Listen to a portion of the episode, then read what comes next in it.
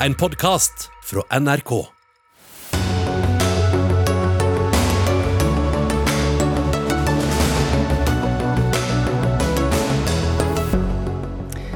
LO og NHO krever strømstøtte for næringslivet. Regjeringen begir seg inn i et vepsebol, sier samfunnsøkonom.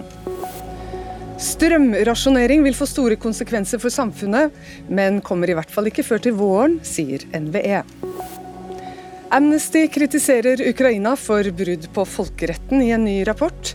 Leder for Ukraina-programmet ved Forsvarets høgskole reagerer på tidspunkt for kritikken. Og folk som blir tegnet av karikaturtegnere, bør få mulighet til samtidig imøtegåelse, sier Ervin Kohn. Hvordan i alle dager skal det fungere, spør avistegner Roar Hagen. Ja, Velkommen til Dagsnytt 18, der vi også skal snakke om feilbehandling av pasienter i Flekkefjord. Jeg heter Anne Katrine Førli. Og vi skal starte med strømstøtten, for LO advarer mot misbruk av strømstøtte, men ønsker seg en støtte der arbeidsplasser står i fare. NHO er opptatt av at sunne bedrifter skal få støtte. I dag møttes disse partene hos statsministeren, statsministeren for å diskutere støtte for bedrifter da, som er rammet av de høye strømprisene. Utformingen er ikke klar, men vi vet fra tidligere at eh, støtten flere mottok f.eks. under korona var så raus at halvparten av bedriftene kunne betalt tilbake pengene uten å gå i minus. Eh, Andreas Bjelland Eriksen, du er statssekretær i Olje- og energidepartementet. Hvordan skal dere innrette denne støtten nå, slik at det ikke skjer igjen? Nei, Vi er jo opptatt av å bruke det samarbeidet som eh, nå er etablert med partene i arbeidslivet, for å sikre fram til at man eh, finner en løsning som både hjelper utsatte bedrifter med de ekstraordinært høye strømregningene som vi òg ser, men samtidig sørger for at vi tar med oss lærdommen fra koronapandemien, sikrer at vi får en innretting som gjør at vi bruker fellesskapets penger til å redde arbeidsplasser. Ja, for Intensjonen er alle her enige om, så da prøver vi å være litt konkrete. Hva slags, nå er det mange bedriftsledere og arbeidstakere som sitter og hører på Dagsnytt 18. Hvordan, hva skal være kriteriene da for å få strømstøtte? Altså Hvis de kriteriene var ferdig etablert allerede, så hadde det jo ikke vært behov for å lage en prosess med partene i arbeidslivet for å finne fram til hvilke gode kriterier vi skal legge til grunn. Men du kan si litt om hva, hvordan dere tenker? Eh, vi, tenker at vi skal utarbeide en strømstøtteordning som eh, er målretta, som hjelper utsatte bedrifter eh, med de ekstraordinært høye strømprisene som vi nå ser. Men vi er nødt til å sørge for at vi nå gjør et arbeid på hvilken konkret innretting den ordningen skal ha. Både med tanke på at vi ikke bruker så mye penger at vi øker presset i norsk økonomi, men òg for å sikre at den ordningen er målretta. Ja, Peggy Hessen Følsvik, leder av LO. Under pandemien kritiserte dere regjeringen for innretningen på koronastøtten. Hvilke krav er det dere har til regjeringen her når det gjelder strømstøtten? Vi er opptatt av at vi skal ha en ordning som er målretta. Vårt eh, eh, Vi er jo opptatt av nå å bevare arbeidsplasser. Nå kommer vi oss gjennom koronaen, og så eh, går vi rett inn i en ny krise. Forskjellen er at nå har vi faktisk tid på oss til å sette oss ned og finne en ordning som er målretta, som, som, treffer de bedriftene som eh, trenger det mest. Og der man også er sikker på at man ikke bruker fellesskapet sine midler til f.eks.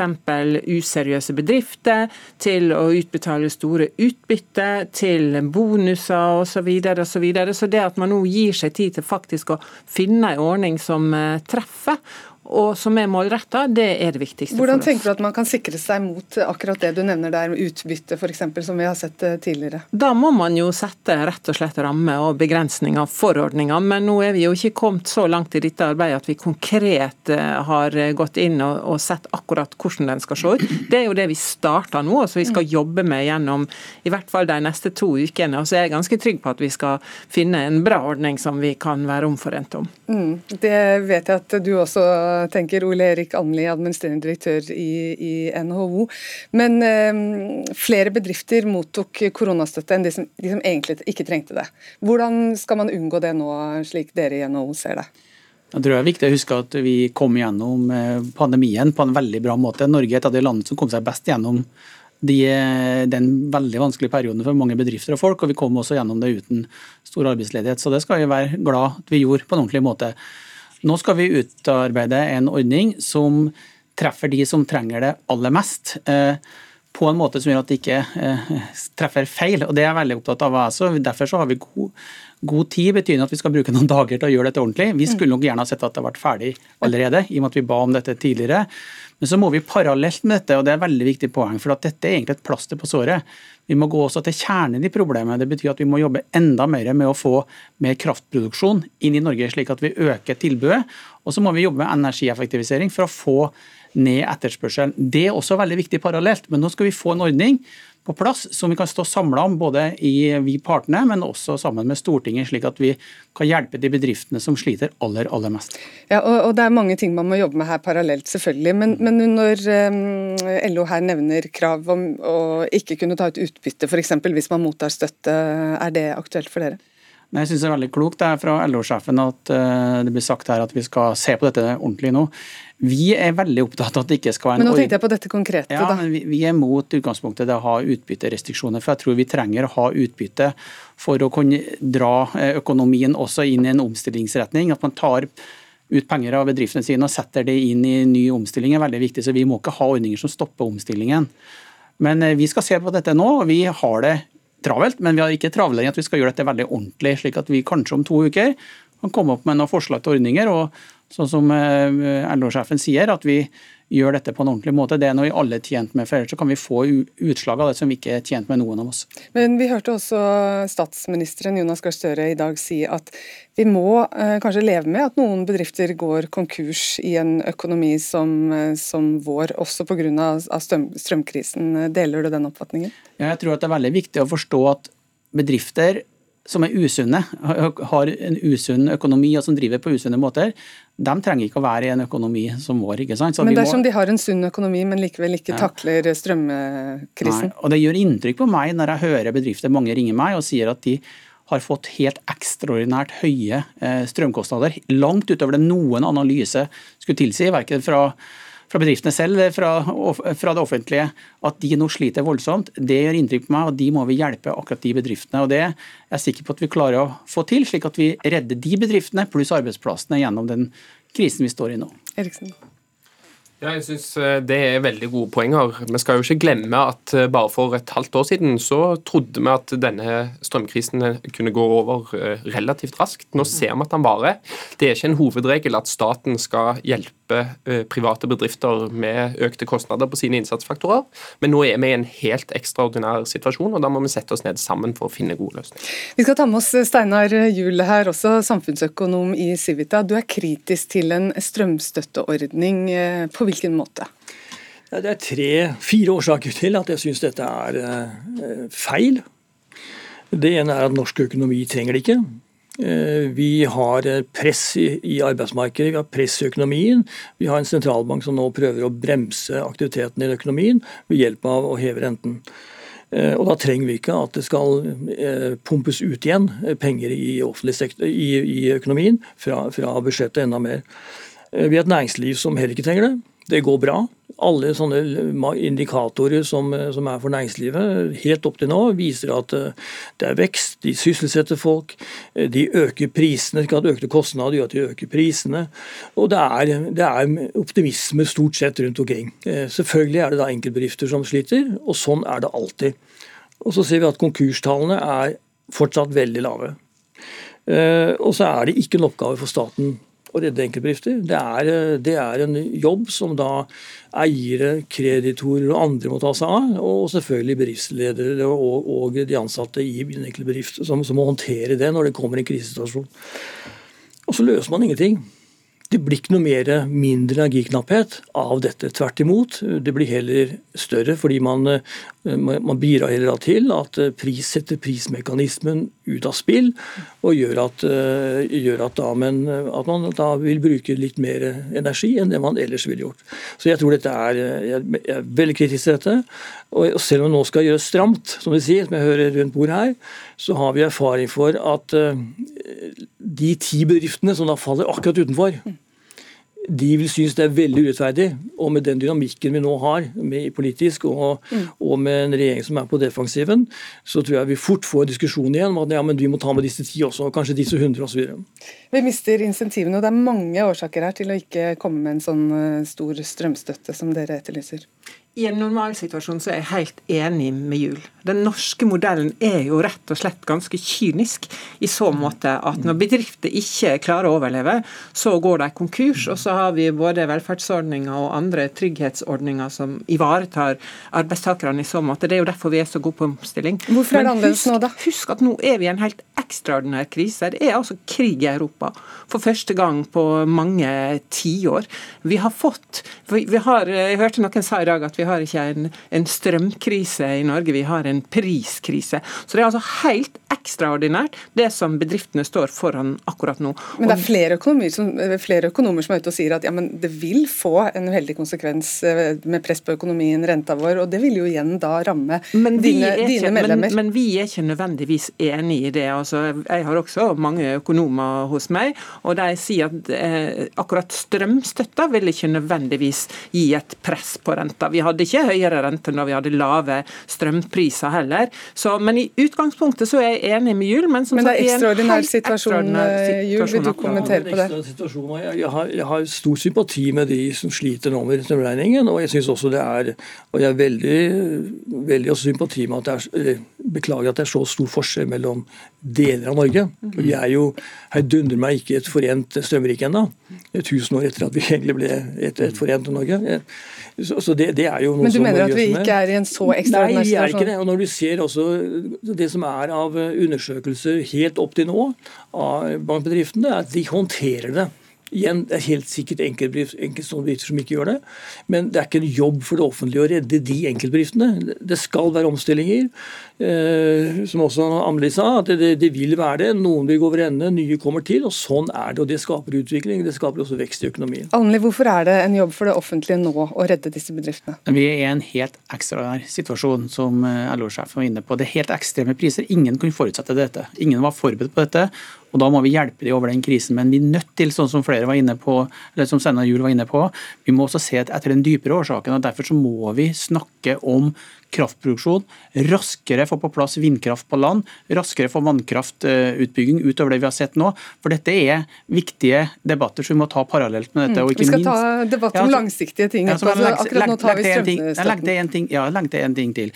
For det er en konkurranse Eh, situasjon i Norge nå, hvor at noen deler av landet har en konkurransefortrinn foran andre deler av landet. Det kan skade bedrifter og arbeidsplasser. så Det å ha en ordning som også utjevner den konkurranseulikheten, er i seg selv et godt argument nå. Men, men hvordan, Hva sier deres økonomer om hvordan man da skal hjelpe på dette som Juel sier her, da, med, med, press i økonomien, renteøkninger og den type ting? For, det første så ser vi noe an... Insentivene, ikke minst. Vi ser antydning til en litt dempet økonomi antagelig nå framover, fordi at bl.a. dette med strømpriser demper økonomien en del. og Det er en krigsøkonomi på mange vis vi står i, Europa står i, så det må vi ta hensyn til. Og Så skal vi gjøre alt vi kan for å lage en ordning som ikke presser renta.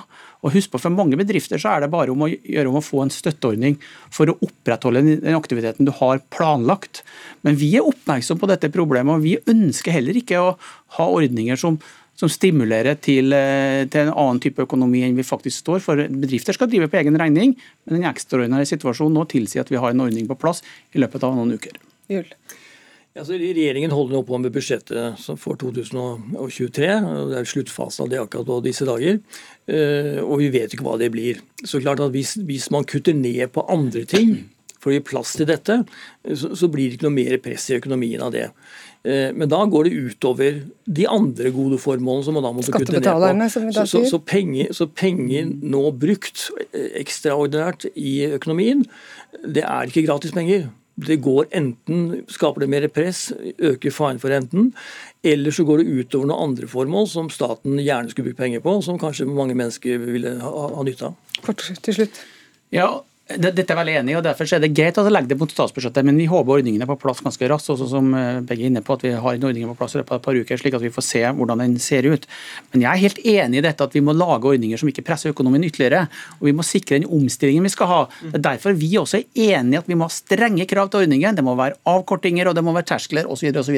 Nå skal vi ro og mak finne en god ordning som virker akkurat slik vi ønsker, som statssekretæren var inne på, som er målrettet akkurat mot de som trenger det mest. Da skal vi invitere deg tilbake når dere har mer konkret å komme tilbake til. Takk skal dere ha, Peggy Hessen Følsvik, leder av LO, Ole Erik Almli, administrerende direktør i NHO, og Steinar Juel, samfunnsøkonom i Civita. Og så blir statssekretæren Andreas Bjelland Eriksen sittende. Takk.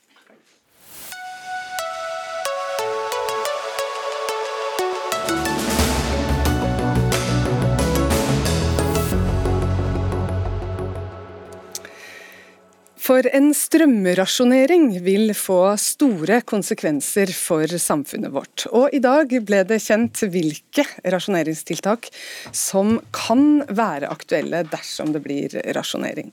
Og hvor aktuelt det blir skal vi komme tilbake til, men først Inga Nordberg, leder for energi- og konsesjonsavdelingen i NVE. Dere snakker om ulike trinn for en slik uh, mulig rasjonering. Hvordan ser dere for dere det? Ja, først så vil jeg jo si at Vi anser jo eh, sannsynligheten for rasjonering som veldig lav. Eh, og Det er også viktig å huske på at det er ikke hele Norge som da vil eh, oppleve rasjonering. Det vil være enkelte steder eh, i en kortere periode. Eh, og det vil også være godt forberedt. Det er ikke noe som kommer plutselig. Kommer ikke brått på. Nei. Nei. Vi, skal, vi, skal, komme tilbake til det. Hvilke trinn er det dere ser for dere? Det vil være eh, avhengig av hvor det er i Norge, eh, hvilke beredskapsplaner som, eh, og rasjoneringsplaner som legges. Men det er ikke husholdningene som vil merke det først? Nei, det er det ikke. Antakelig så vil ikke husholdningene merke det i det hele tatt. Og det vil heller ikke være i vinter. Det er snakk om overgangen mellom vinter og vår, så april-mai. Som det vil som det være kan aktuelt. Bli aktuelt. Ja. Og hva er det først som tas da? Det, vil, altså det, er veldig vanskelig å si det helt sånn eh, generisk hva som blir satt eh, først, men det som er høyt prioritert, er jo typisk liv og helse. Eh, husholdninger vil det tas forsøke å skjerme. Så det er industri og næringsliv som Det er det vi skjermer, men er det, hvor er det man kommer til å merke at F.eks. har dere nevnt gatelysene. Ja, det er, men det vil være ulikt på hvor i Norge det er. Det så, det, så, det, er ulike. Det er ikke sånn at det er én én gruppe. Nei, men Hvilke det, ting kan man regne med at man ser kan, i løpet av denne første fasen? da? Ja, Det de har sagt, eh, det er eksempelet som er kommet i NRK, er jo at det er gatelys eh, f.eks. Altså offentlige bygg og den type ting. Eh, men det vil da være avhengig av hvor i landet det er. Det er ikke en én lik plan overalt. Og så sa du at det er ikke sannsynlig at dette her kommer til å skje, og i hvert fall ikke før til våren. Ja, det stemmer. Og Når det gjelder forbrukerne, de som sitter hjemme da og, og tenker, bekymrer seg for ok, eh, hva er det da som kan komme til å skje med meg til våren, hva, hva mener du de bør gjøre, hva vil du si til dem? Jeg tenker at uh, Man ikke trenger å bekymre seg veldig for å bli hardt ramma av uh, strømrasjonering som husholdning. Men likevel så er jo det her et underliggende problem med energiknapphet, som man også var innom i debatten tidligere her. Så det å være bevisst strømforbruket sitt, installere varmepumper, Eh, ta høyde for energieffektivisering dersom man skal pusse opp f.eks. Eh, det vil jo være, være nyttig. Men har det mye å si hva den enkelte forbruker gjør, når det tross alt er bedrifter og de store som, som eh, bruker mye av forbruket? Ja, Vi vet at det er et stort potensial i Norge for energieffektivisering. og Det gjelder både for husholdninger og for, for næringsbygg f.eks. Hvilke tiltak er vi i gang med allerede? Vi er i gang med å gi ganske tydelige signaler til produsentene om å, å redusere produksjon, sånn at vi kan spare på, på, vannet. Og det ser vi at gjøres. Det er eh, også en rapporteringsordning som vi fra neste uke vil ha enda mer faktabasert informasjon om eh, hvordan det her arter seg. Så vi har god oversikt. Takk skal du ha, Inga Nordberg, leder for energi- og konsesjonsavdelingen i NVE. Vi har fått med oss noen flere politikere her i studio. Um, ja, det at vi nå vurderer en um, en rasjonering. Det har du kalt en skandale, leder av Fremskrittspartiet Sylvi Listhaug. Eh, hvorfor er det det? Fordi at vi er en sterk energinasjon som alltid har hatt det fortrinnet at vi har hatt billig kraft, både for næringslivet og for innbyggerne. Nå opplever folk å regelrett bli flådd uten at eh, man, staten eh, og det offentlige stiller opp. Det var gjort beregninger nå som viste at det man har håvet inn 77 milliard kroner fra kommune, eller til kommuner, til fylke, til stat. Og så gir man da noen skarve eh, milliarder ut igjen i en strømstøtte. Fremskrittspartiet mener at vi burde fått eh, makspris på strøm. Vi burde fjerne avgifter som Vedum og regjeringa nå har satt opp igjen til over 15 øre, men opplever ingen støtte. Og dessverre så er jo nå Høyre regjeringa sin støttehjul vært det hele tida. Og dermed så er det et eh, stort flertall på Stortinget for å sitte og være handlingslamma og se på at folk rett rett og slett får det vanskelig. Dette nå, kommer også på vi... toppen av drivstoff, som heller Absolutt, ingen av disse ønsker å gjøre noe med. tema her nå. Uh, Andreas Bjelland Eriksen, statssekretær i Olje- og energidepartementet, du uh, er med oss fortsatt. Strømprisen var jo høy allerede i fjor, uh, før krigen i Ukraina startet. Hvorfor er det ikke gjort mer i forkant for å ikke havne der hvor vi er nå? Nå hørte vi at det er ikke sikkert det blir rasjonering, men, men det er allikevel lagt en plan dersom det skulle skje. Altså, jeg tror vi må eh, skille mellom det som er en forsyningssikkerhetsutfordring og det som er en priskrise for eh, norske strømforbrukere. Det er ingen tvil om at både den situasjonen vi har sett etter invasjonen av Ukraina, og òg det faktum at vi har hatt en tørr vår, en tørr sommer, der vi har fått mindre vann inn i magasinene enn det vi kunne håpe på, har skapt en krevende forsyningssikkerhetssituasjon i Norge. Den eh, gjør jo vi alt vi kan for å håndtere, og som vi òg hørte NVE sa i stad, eh, sannsynligheten for rasjonering den er veldig liten. Og sannsynligheten for at den eh, skal treffe norske husholdninger, eh, den er enda mye, mye mindre. Eh, og Det handler jo bl.a. om tiltak som regjeringen har gjennomført. Vi har bedt kraftprodusentene om å holde vann tilbake. Det ser vi nå skjer. Vi importerte mer kraft i Sør-Norge forrige uke enn det vi eksporterte. Og vi har òg bedt Statnett om å gjennomføre og se på en rekke tiltak som de legger fram 1.10 for å sikre forsyningssikkerhetskrisen. De har gjort en del, Lise.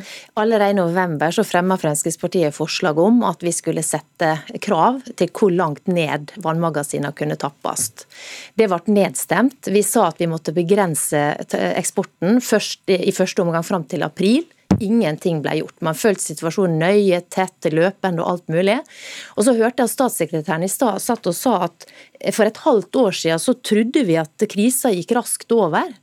Og da lurer jeg på hvor regjeringa har vært den. Alle spådommer har vist at det kommer til å bli høye priser, at det skulle bli det nå i sommer. Og Prognosene er jo at vinteren og høsten nå kommer til å bli enda verre, bl.a. fordi regjeringa har støttet og sett på at vannmagasinene i Sør-Norge har blitt tappa ned på et nivå som vi ikke har sett eh, på 20 år. Og la meg legge til at I inngangen til 2021 så hadde vi rekordhøye eh, nivå på vannmagasiner, så dette har man altså greid på ett og et halvt år. Med respekt å melde så eh, har vi redusert krafteksporten fra Sør-Norge med nesten 80% i år sammenlignet med i fjor.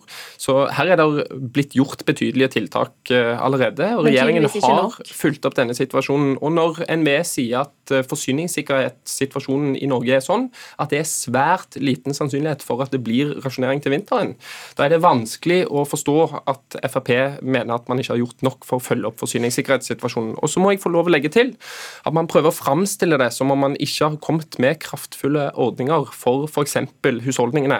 Vel, så langt i år, eh, og siden strømstøtteordningen ble lagt fram, så har man redusert strømregningen til en gjennomsnittshusholdning med omtrent 11 000 kroner.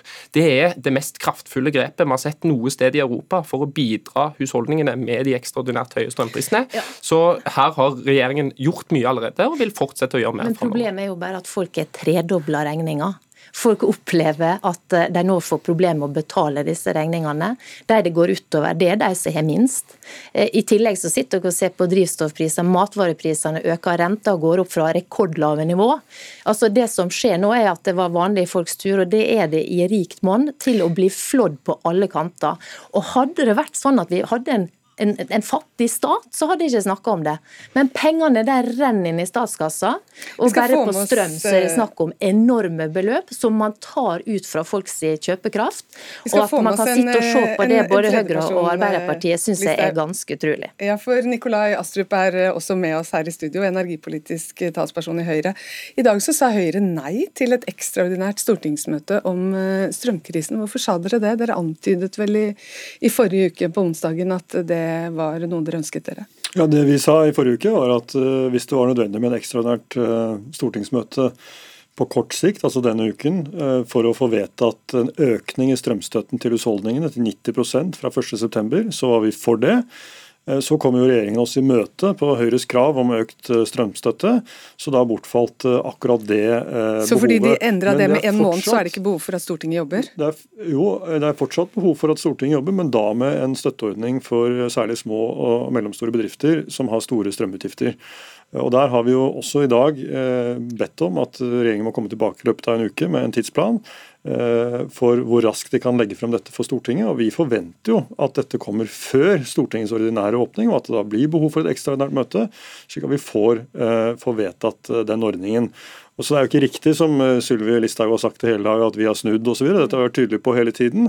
Og vi har jo presset på for en bedriftsstøtteordning eh, siden før jul i fjor. Og Dette vet jo Listhaugs eh, kollegaer i energi- og miljøkomiteen utmerket godt.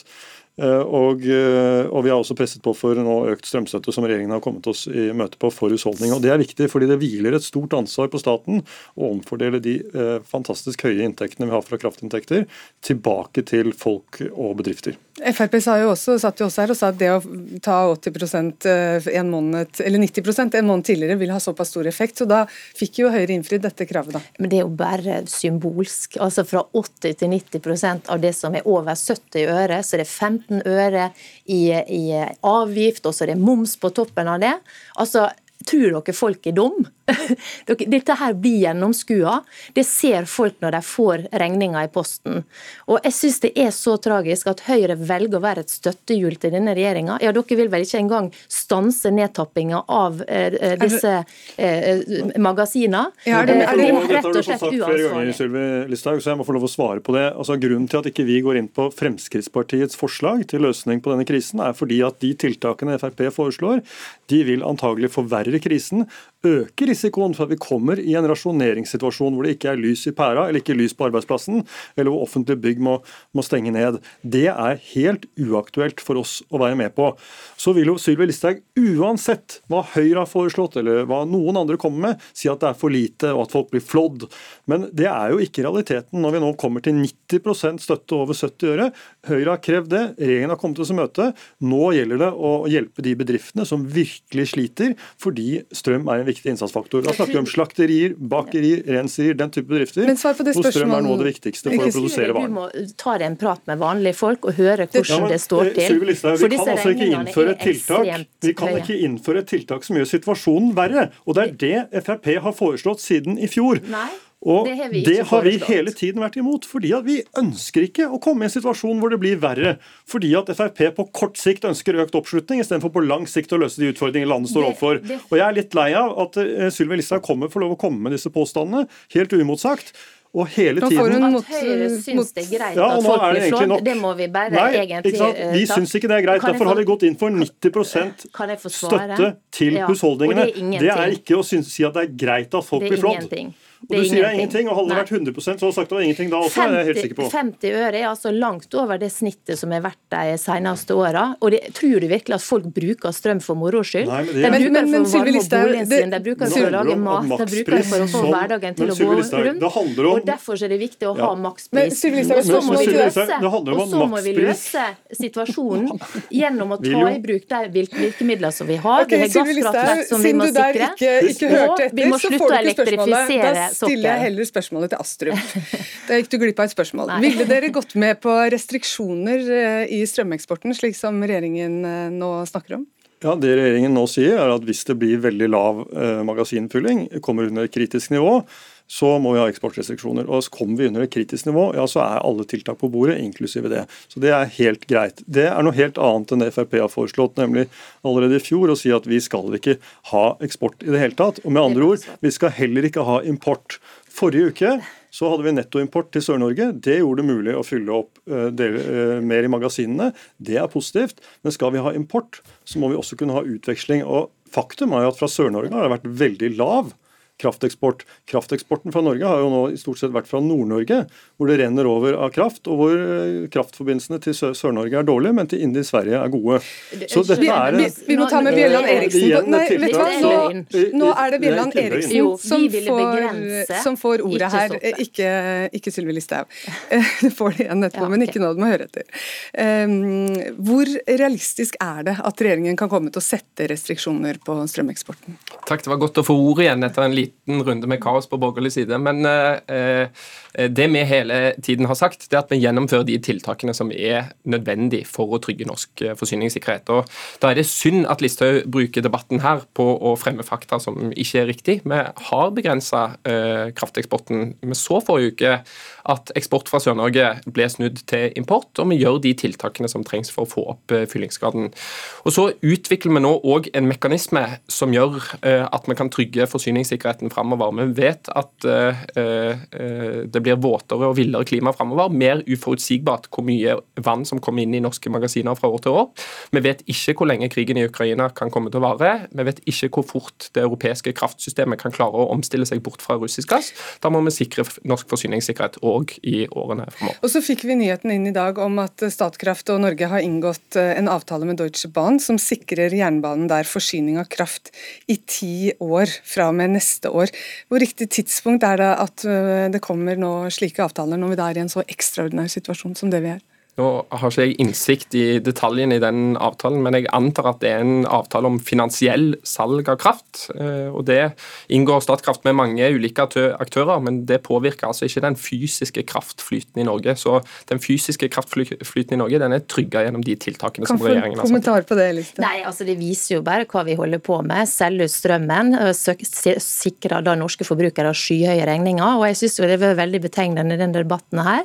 Vi ser at Høyre er da det viktigste støttehjulet til denne regjeringa, dessverre. Ja. Istedenfor å være med på å gjøre noe som monner for folk. Og Det ville en makspris gjort, fjerning av avgifter gjort, eh, men istedenfor så renner pengene ut av lommeboka til folk. Ja, og det, Dette viser jo bare at Listhaug hører jo ikke etter. for Det er jo ikke snakk om en fysisk salg av strøm til Deutsche Bahn, det er altså snakk om en finansiell salg eller opprinnelsesgarantier, som er noe helt annet. Eh, så det har ingen betydning for kraftbalansen i Norge, og det er viktig å slå fast. Og så er jeg opptatt av at vi nå på lang sikt må gjøre, altså vi må gjøre tiltak på kort sikt som avhjelper situasjonen for folk og, og bedrifter. Men så må vi også styrke forsyningssikkerheten vår på lang sikt gjennom å bygge ut mer fornybar energi. Og og da handler det både om eh, vindkraft til havs, vindkraft på land, det handler om oppgradering av vannkraftverk. Veldig mange ting som vi må gjøre for å sørge for at vi reduserer risikoen for at vi noensinne kommer i denne situasjonen igjen. Men før det skal vi gjennom en vinter hvor det er utrolig viktig at staten stiller opp og tar ansvar. Og la meg si en ting, Jeg skal liste rett til én ting. og det er at Regjeringen de har vært bakpå siden dag én i denne krisen. Eh, og Vi ba altså om en støtteordning for bedriftene allerede i desember i fjor. Nå først kommer det, kanskje om noen uker. Eh, nå gjelder det at regjeringen jobber raskt, og eh, at vi får et godt faglig eh, fundert forslag å ta stilling til. Ikke, disse, ikke, ikke disse, forslagene som, som, Rødt og Frp koker sammen på bakrommet. Kan du love at dere skal jobbe raskt, Bjelland Eriksen til slutt? Vi jobber hele veien raskt, og vi kommer til å gjennomføre de tiltakene som er nødvendige. Det har vi gjort hele veien så lenge denne krisen har vart. Og så har jeg lyst til å legge til to ting til slutt. og det er at Frp på sin side de foreslår å bygge ut gasskraftverk som løsning på denne krisen. Det er i hvert fall ikke et godt tiltak. Høyre foreslo i fjor å gi gi norske husholdninger 750 kroner i posten. Det var heller ikke et godt tiltak, så uh, her er det regjeringen som er på, og vi gjennomfører de tiltakene. Da er tiden ute, så dette må bli veldig veldig kort. Ja, jeg tenker at Elektrifisering av sokkelen er i hvert fall det første vi må stanse. Der er jo både Høyre og Arbeiderpartiet ivrige etter å sløse enda mer strøm ut på plattformene, så ikke gi reduserte klimagassutslipp. Så kanskje dere kan starte der, hvis dere skal spare strøm eh, og sikre innbyggerne på fastlandet eh, faktisk håndterlige priser. Jeg skal gi Listhaug rett i en ting, og det er at Regjeringen må nå gripe inn og sørge for at gasskraftverket på Mongstad det eh, må eh, stå i beredskap over vinteren. Og Det er viktig at de nå ikke venter på at statene skal komme sine anbefalinger, mens Equinor demonterer anlegget. De må komme på banen nå. Kan dere gjøre det? Der har vi allerede fått bekrefta at man stiller tilgjengelig gassturbinen på Mongstad fram til 1.10, sånn at vi får vurdert dette som et av mange ja, men Fram til 1.10 sa dere i forrige uke, men også etter det, det er det over vinteren. over vinteren. Vi er opptatt av at det er Statnett som eh, utreder og foreslår tiltak. Det skal Statnett gjøre, men nå vet vi at det står klart fram til og med man får den anbefalingen. Takk skal dere ha, Andreas Bjelland Eriksen, statssekretær i Olje- og energi energidepartementet, Sylvi Listhaug, leder av Fremskrittspartiet, og Nikolai Astrup, energipolitisk statsperson i Høyre.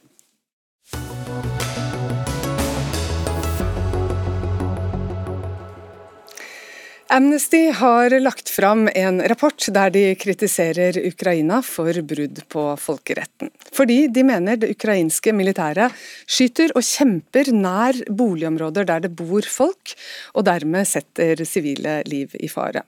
Rapporten betegner ikke bruddene som krigsforbrytelser, men mulig brudd på folkeretten, og rapporten har vakt oppsikt både internasjonalt og her hjemme.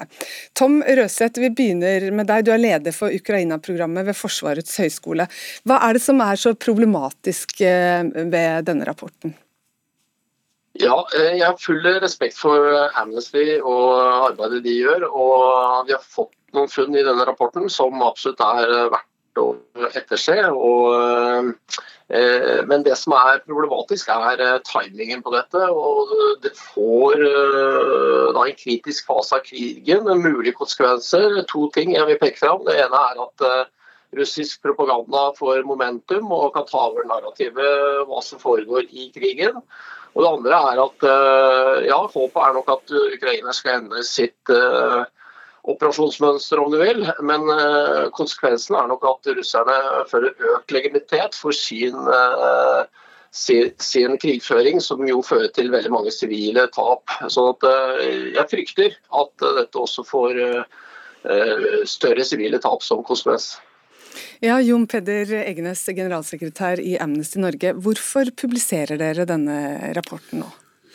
Ja, vi publiserer den fordi vi har gjort disse funnene der vi på i hvert fall 19 steder så uh, ukrainske styrker etablere seg i områder med sivile når vi oppfatter det som ikke nødvendig. Ja, det var ikke i en såkalt bykrigssituasjon der man skyter fra gatehjørne til gatehjørne, eller ved fronten, der man står ansikt til ansikt. Det var trukket tilbake fra fronten, og det var utenfor byen. Og så etablerte de seg i områder hvor det bodde sivile, når vi mener at de hadde alternativer rett i nærheten. Det var andre helt uh, mennesketomme områder rett i nærheten i noen tilfeller. Det var skogsområder som vi mente de kunne søke da dekning for uh, stillingene sine i, i, nærheten, og en del sånne ting. Um, og Eh, jeg, jeg, jeg, har forståelse for at folk stiller spørsmålstegn ved timingen. Og, og, det er vi nødt til å se nærmere på om vi, om vi, burde ha gjort noe annet. Men jeg tror at uansett når vi publiserte denne rapporten, så ville uh, mange ha reagert på den samme måten. Uh, fordi at hensikten med det er jo det stikk motsatte av det eh, min motpart eh, frykter, nemlig at ved å forhåpentligvis bidra til at ukrainske styrker nettopp tar disse hensynene i større grad, ikke etablerer seg i områder der sivile eh, kan rammes når russerne skyter på dem. Og så er det viktig å si at vi har gitt ut tror jeg, 20 rapporter siden Russland angrep Ukraina, der vi har kritisert russerne for krigsforbrytelser. Så konteksten her er også viktig. Ja, ikke sant? Men Røseth, skal de la være å, å, komme med de kritikkverdige forholdene som de ser da, eh, i Ukraina? Uh, nei, uh, men uh, kanskje bedre timing. Eller hatt klar en det kom noe, disse reaksjonene kom noe overraskende på Amnesty. Ja, også her er det to parter eh, hvor eh, de kjemper om eh, sannheten, om fortellingen, om narrativet. Da dette da tas til inntekt for, på russisk side, ikke komme så var litt dårlig lyd på deg der, Røseth. Men for å ta det med deg, da, Egnes. Det er vel ikke så veldig overraskende at denne rapporten blir brukt som propaganda av russerne? Overhodet ikke. Eh, og det gjør vondt langt, langt inn i sjela at de gjør det. Um, men det må jo også sies at de bombet jo bevisst sivile mål eh, også før denne rapporten kom. Helt målretta i noen tilfeller, også der hvor det ikke fantes ukrainske styrker i nærheten i det hele tatt. Så eh, nå skal ikke jeg som sagt bagatellisere frykten til Røseth. Eh, og, og, vi kommer til å måtte se på dette videre. Men, men, jeg tror at vår rapport ikke i noen spesiell grad kommer til å endre russisk krigføring. Men russisk propaganda har den definitivt uh, blitt brukt i. Og det er for, for, en uheldig felge. Ikke sant? For, for, Er det riktig her, midt i en krigssituasjon og en angrepskrig som vi ser her, at man skal på en måte være upartisk? da? At vi skal behandle Russland og Ukraina likt i disse spørsmålene? Nei, nå har ikke vi vært upartiske. Vi har eh, sagt at dette er en angrepskrig. Kanskje den alvorligste forbrytelsen i internasjonal rett. Og vi har dokumentert om igjen og om igjen og om igjen de russiske eller unnskyld, bruddene på, på internasjonal humanitærretten. Så dette er ikke en sånn på den ene siden, på den andre siden. Men hensikten med dette er jo å endre ukrainske styrkers uh, oppførsel, noe vi kanskje trodde at de ville være åpne for. Uh, selvfølgelig mye mer åpne enn russerne, som ikke snakker med noen. Så Det ville ikke vært et poeng å vente til f.eks. etter krigen. Eh, vi har jo heller ikke sagt at dette er eh, brudd som må straffeforfølges eller noe, noe slikt, men at dette var da hensikten å kunne endre denne, dette mønsteret vi så utvikle seg men, med at man etablerte seg i slike områder. Men det, Dere ønsker endring her, men dette er jo en urban krigføring hvor Russland angriper Ukraina i, i hjemme i deres område. Er ikke Ukraina i en nesten sånn umulig, håpløs situasjon i forhold til å, å kunne gjøre det du ønsker? Nei, ikke i disse tilfellene som jeg nevner, nettopp fordi at de verken var inne i byene, vi sier f.eks. i Kharkiv-regionen. Det er ikke i byen Kharkiv, men det er utenfor, der de kunne observere at det var mulig å i stedet for være i bygninger som hadde bebodde bygninger rundt seg, kunne man valgt bygninger lenger unna som var tomme. man kunne valgt andre steder, ikke valgt å være på sykehus osv. Så, videre. så vi mener faktisk, vi, vi vet at ukrainerne er i en forferdelig situasjon. Vi vet at i en del tilfeller så kan de ikke følge de strengeste reglene innenfor internasjonal humanitærrett, men her mener vi at det var mulig å gjøre mer for å beskytte sivile. Ja, og Det ble såpass betent eh, situasjonen her at generalsekretæren for Amnesty i Ukraina eh, før helgen trakk seg i protest mot rapporten. Eh, burde dere ikke forutsett denne debatten?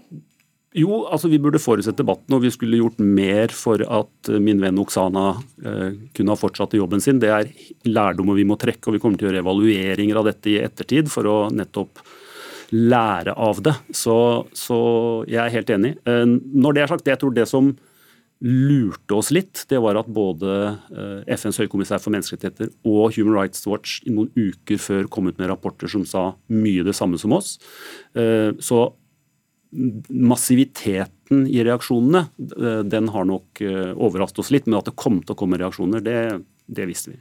Takk skal du ha, Jon Peder Egnes, generalsekretær i Amnesty Norge. Og takk også til Tom Røseth, leder Ukraina-programmet ved Forsvarets høgskole, som dessverre forsvant ut med en litt eh, dårlig linje der. Takk skal dere ha.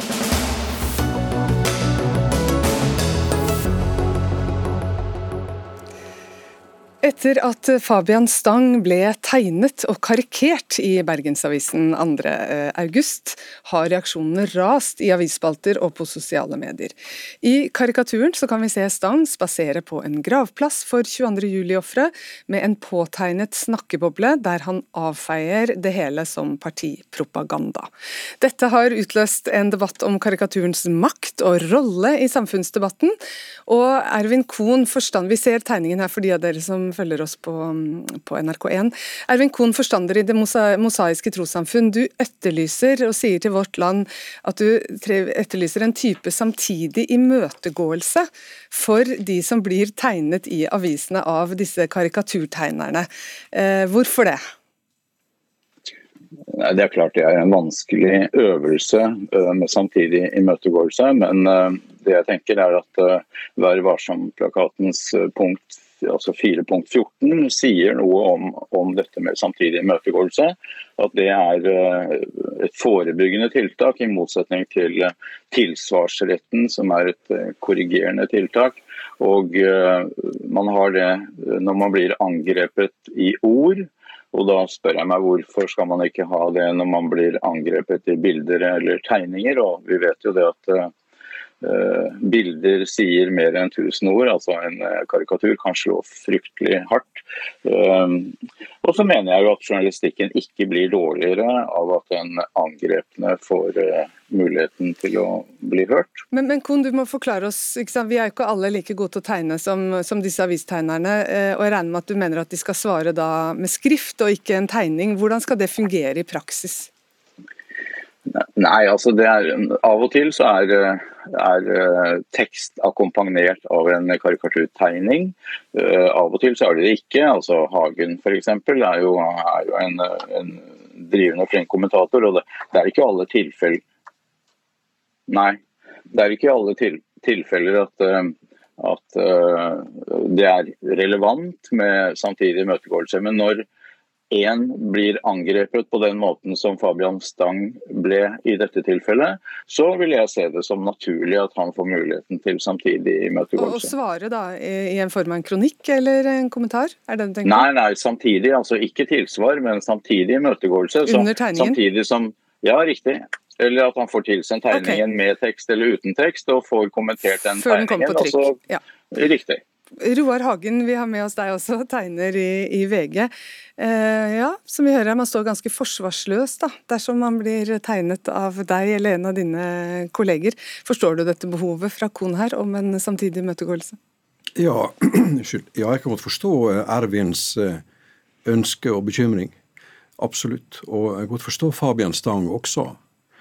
Eh, det er jo en, en ganske sterk ting å bli framstilt i karikatur. Kan være. Eh, nå er det jo å si at Stang er jo en dreven politiker og eh, kjendis, eller kjent person. og, og eh, så han er jo ikke en, en, hvem som helst i denne saken. Men det er fullt mulig å forstå at en karikatur kan såre, krenke osv. Men, Men du mener at det er vanskelig å få gjort dette i praksis?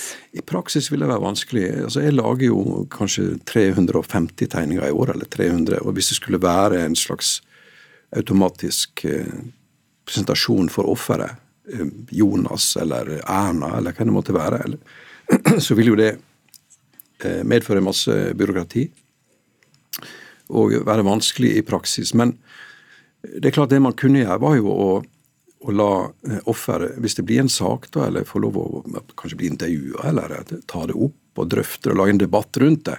Selvfølgelig. Men ellers så er jo PFU og slike ting en, en plass å plassere en klage. Den er jo basert på Vær varsom-plakaten. Eh, og den skal jo sikre at grupper ikke skal føle seg krenka, enten om det da er etnisk eller religiøs osv. At de skal bli respektert. Det står ikke om krenke, men skal respekteres. Men hva er respekt, da? Respekt er det å karikere. Det kan jo også være et tegn på respekt. Du, du er en like mann eller kvinne, en like person. Sant? Ja, Kron, for eh, vi må jo ha stor takhøyde når det gjelder humor og karikaturtegninger i, i samfunnet vårt.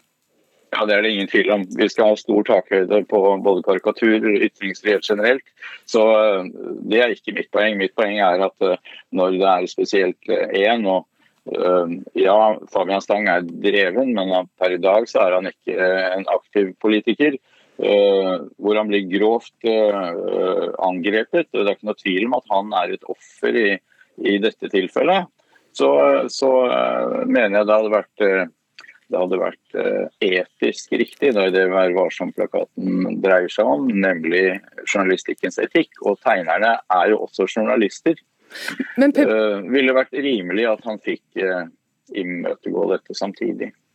Men PFU har jo uttalt til Vårt Land at denne ekstra takhøyden da, den for humor og satire den er viktig, for den er knytta til en, det de kaller en nedkjølingseffekt, som det kunne få hvis man f.eks. da sier at satirisk, eh, en satirisk ytring ikke kan fremføres. Eh, deler du ikke den bekymringen? Jo, jeg er enig i det eh, til en viss grad at satire kan ha noen andre regler. Men ikke noen frisone altså, altså, de har også uh, rett til å bli kritisert og rett til å bli imøtegått. Og uh, Det er jo selvfølgelig avhengig av hva det dreier seg om. og I dette tilfellet, denne tegningen om Fabian Stang, presenterer jo ham som det stikk motsatte av hva han fremsto som etter 22.07. Det fremstiller ham på en helt annen måte enn det han kritiserte Støre for. Eh, så jeg mener at eh, det hadde vært betimelig ja. å, å, gi ham samtidig imøtegåelsesrett. Vi har snakket med Fabian Stang i dag, vi også, som sier at dette er å gå langt over streken. Hvordan tenker du da, Roar Hagen, at han skal få, få kommet med sitt uh, svar på denne tegningen? Altså, Når denne tegningen blir, av Herbjørn Skogstad blir, blir lagt, så er det jo hans eh, valg. Han velger dette temaet, han velger dette motivet. Og poenget med, med Fabian Stang. Så forelegger han dette for sin redaktør i Bergensavisen, som da eh, sier OK, og så trykkes dette. Så rett adressat vil jo være redaktøren i Bergensavisen for å ta opp eh, Stangs bekymring og slippe Stang til orde, eventuelt da med, med sin, eh, med sin eh, motklage, om du vil. Så det er jo Det må være veien å gå, altså. Jeg, jeg tror at Hvis det skulle være automatisk eh, informasjon om dette Nå, nå sitter Graff eller meg eller andre og tegner den og den, Erna f.eks., så her er, kan, kan, du godta dette, eller kan du ikke, så, så ville vi få det veldig, veldig vanskelig. Så Vi snakker om redaktørstyrte medier her, og, og egentlig så er det en sak mellom meg, tegneren, redaktøren og domstolen, egentlig. Og så er det min egen samvittighet i forhold til offeret. Det er jo der skjæringspunktet er. Og Da fikk du siste ord der, eh, Roar Hagen, tegner i VG. Takk til deg, og takk til Ervin Kohn, forstander i Det mosaiske trossamfunn.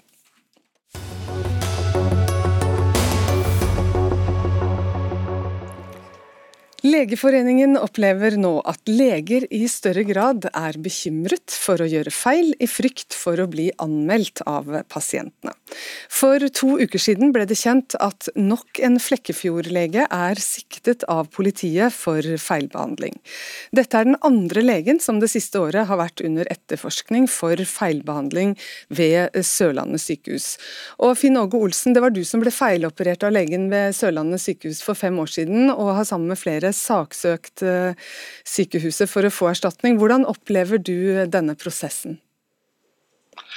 Ja, altså rett og slett eh, Du kan si det at eh, det burde jo i forhold til Legeforeninga og dette her, så, så syns jeg jo det at, at det, de legene som syns dette her blir urimelig, de burde jo egentlig begynne å skjelve i buksene sine. For, for det at da har de ikke sine papir i orden, de har ikke rent mel i posen. Og du kan si det at Skal pasientene gå igjennom det som, som jeg har gått igjennom nå på disse her fire-fem årene, så, så, er det jo helt uholdbart når man må gå med svære øh, en hel haug med smertestillende tabletter for å få øh, dagen til å gå. For å få sove på nettene er jo mange ganger problemet har du gått litt for mye den ene dagen, så, så greier du ikke å sove på natta. Og Dette her er jo nå noe som, som uh, vi som pasienter i alle fall ikke blir uh, vi som får igjen noen ting en får, da. Ja, og Du mistet altså beinet ditt pga. denne feiloperasjonen. Vi skal gå til Legeforeningen her snart om men veldig kort. Hvordan skulle du ønske at du ble møtt av systemet?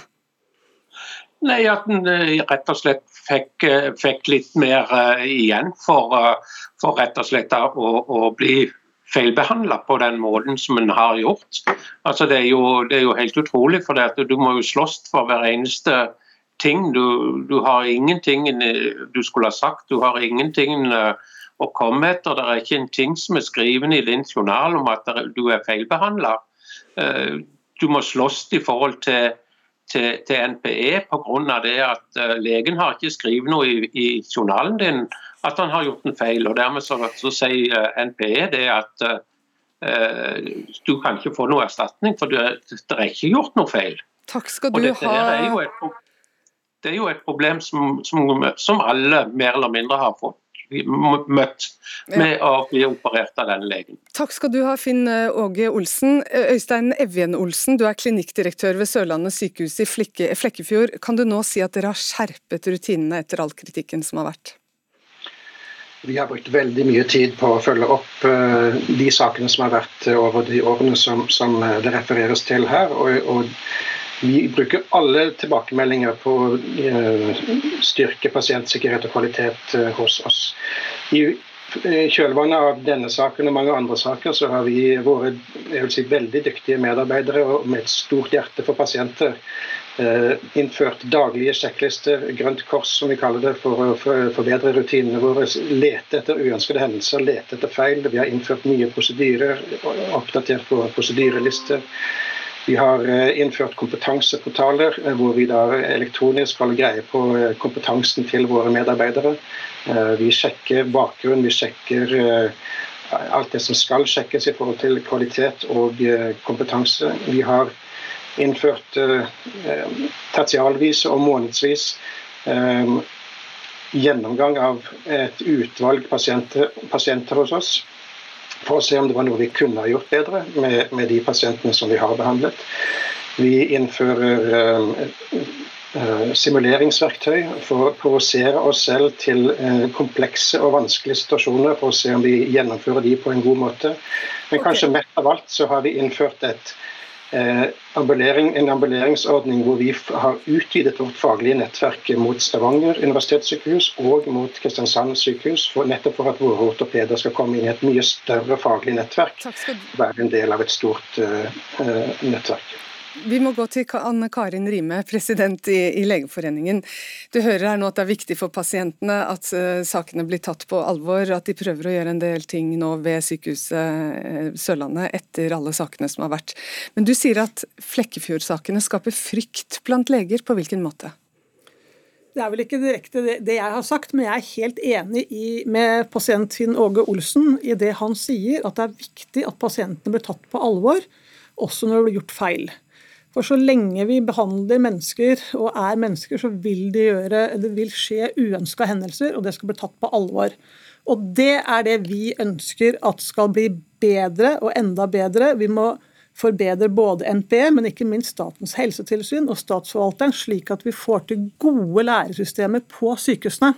Så vi er helt enig. Det vi ikke har vært enig i, er tesen som har gått ut og sagt at flere bør bli politianmeldt. For vi er enige med Riksadvokaten som sier at det skal forbeholdes de mest alvorlige sakene. Vi må lære sånn at vi har et, en god helsetjeneste fremover, hvor vi har trygg, trygt helsepersonell som behandler pasienten på best mulig måte, og at men, vi lærer av de feilene som blir gjort. Men Hvem skal da behandle disse alvorlige sakene hvis ikke politiet skal gjøre det? Eh, altså Statens helsetilsyn har allerede i dag den jobben, og de kan frata legene autorisasjonen når det er alvorlige saker. Og så har arbeidsgiver et ansvar eh, hele veien på å sikre at de har forsvarlige arbeidsrutiner hos alt helsepersonell. Eh, og dette er vanskelig. Du nevnte Tesen. Vi har med oss advokat Jan Inge Tesen, som representerer flere av disse pasientene som har gått til sak til, mot Sørlandet sykehus. Hvorfor er det så viktig med disse sakene og det å, å politianmelde som blir nevnt her? Etter mitt syn så eh, er det for få saker som blir eh, politianmeldt. Det er kun de mest alvorlige sakene som, som blir det. Og Det er jo riktig at vi har et system gjennom Helsetilsynet også som eh, kan få, gjøre sånn administrative reaksjoner. Men som rundskrivet til Riksadvokaten fra 2017 fastslår, så er altså disse sakene med politianmeldelse forbeholdt de mest alvorlige sakene. Og Hvis vi ser på det som har skjedd ved Flekkefjord sykehus, så har jo det vært Eh, meget alvorlige saker. Altså, vi snakker om Norges største sykehusskandale, hvor det er ansatt to til tre utenlandske leger som har vist seg å mangle kompetanse for å uh, operere folk. En av de har holdt på i elleve år, siden 2008, uten å være kirurg, ortopedisk kirurg eller generell kirurg, bl.a. Og det er rett og slett en skandale. Rimme skandale. Eh, vi kan jo aldri kommentere enkeltsakene. Jeg vet ikke hva slags eh, autorisasjon disse legene har hatt. Men det er klart at vi ønsker at de skal være autoriserte og ha papirene i orden når de jobber i Norge. Og det er arbeidsgivers ansvar å påse. Og selvfølgelig støtter vi det. Hva mener du blir konsekvensen da hvis det er flere som politianmelder leger på denne måten? Eh, nei, Som jeg har sagt tidlig, så tror jeg at systemet er eh, tjent med altså at vi skal ha en god helsetjeneste. Så er vi tjent med at vi har trygge leger, og at vi har et system som man lærer av feil, og hvor man tør å anmelde både nesten-feil og feil, sånn at vi kan unngå det for senere. Så gjøre ting bedre eh, og få sykehusene til å ta lærdom av disse feilene er det viktigste vi kan gjøre for å ha en god helsetjeneste. Kort til slutt, Tesen. Ja, jeg vil bare si til slutt at Det er jo svært viktig. Også Vi ser jo det fra den sykehusskandalen i Flekkefjord. at Det, synes som at uh, det er snakk om utenlandske leger som er ansatt uten å være kvalifisert. Og De har fått kritikk, sykehuset, for at man ikke har sjekka bakgrunnen deres godt nok. De har ikke kunnet fremlagt attester, vitnemål eller kontakta referen referenter eh, for disse legene. Og Vi har jo heldigvis veldig dyktige leger Takk. i Norge som gjør en enestående jobb Tiden vår er dessverre ute, Tesen. Takk skal dere ha. Denne Dagsnytt 18-sendingen er slutt. Synnøve Vereide var ansvarlig. Lisbeth Sellereit og Anne Katrine.